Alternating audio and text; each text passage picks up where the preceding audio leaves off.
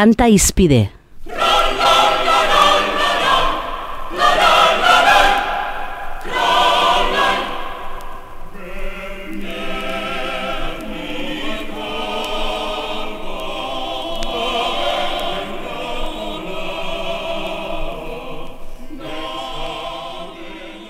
Gernikako arbola. Gernikako arbola Euskaldunon askatasunen simboloa da, baina horrezaz gainera Jose Maria Iparragirrek sorturiko kanta ezaguna ere bada. Kanta izpide honetan, bion historia berrikusiko dugu, eta bukaeran aspalditzuan piztu zen eztabaida gogoratuko dugu. Gernikako arbola kantak Euskal Herriko ere zerkia izan beharotez duen, alegia.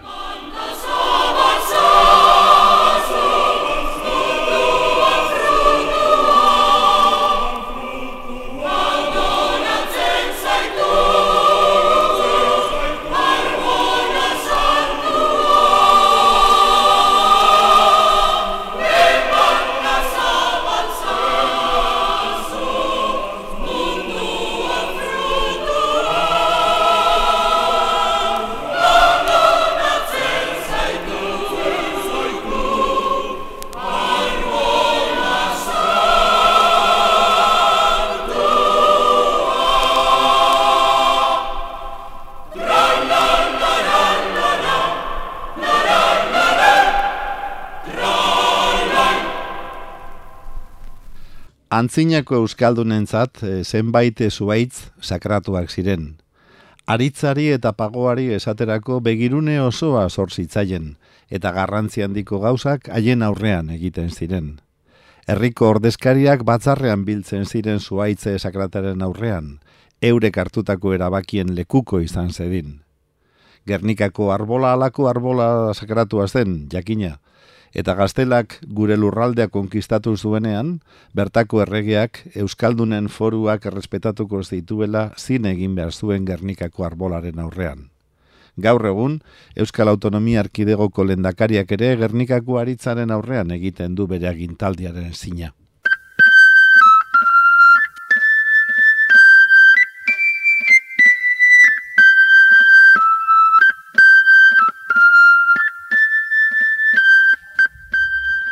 Entzun gai jarri dizuegun berzioa, Gernikako arbola kantarena benetan bitxia da. Ez uste osoan topatu dugun berzioa instuzen ere, Espainiako lorrelampagos taldeak egiten duena bere erara. Ez dakigu nondik heldu zitzaien kanta honen garrantzia, baina Kataluniako eta Galiziako zenbait kantaren berzioak ere egin zituzten, eta Euskal Herriari dagokionez, zein eta hause Gernikako arbola.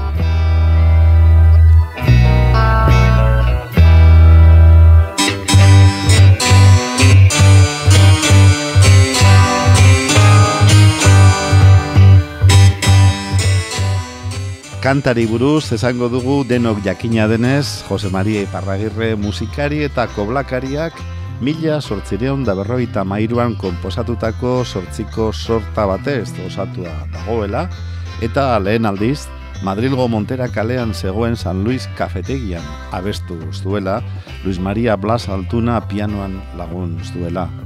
Euskal Herrira itzulita, hainbat tokitan abestu zuen eta kanta berehala famatu zen Euskaldunen artean, gure lege eta askatasunen aldeko mezua zabaltzen zuenak.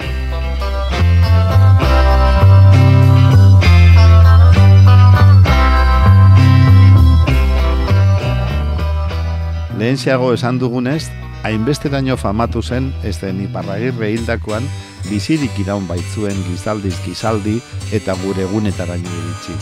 Eta hoegarran mendearen azken laurdenean, Euskal Herriko ereserki ofizial bihurtzeko proposamena zuen zenbaitek. Aldeko eta aurkako jarrerak izan ziren jakina. Aldekoek gure askatasun nahiaren adierazgarritzat hartzen zuten, eta aurkakoek aldiz guztiona izateko erligio arloko aipamen gehiagiz deukala zioten.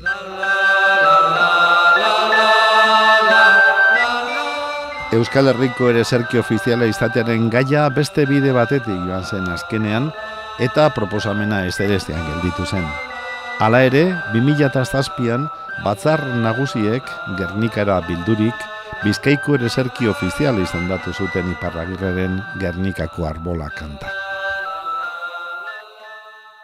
Eztabaidak eztabaida, belauneko barik jargaitezen denok zutik, eta entzun eta kanta dezagun elkarrekin beste behin Gernikako arbola, oraingo honetan Gontzal Mendibilen ahotsean eta Bilboko Orkestra Sinfonikoaren konpasetan.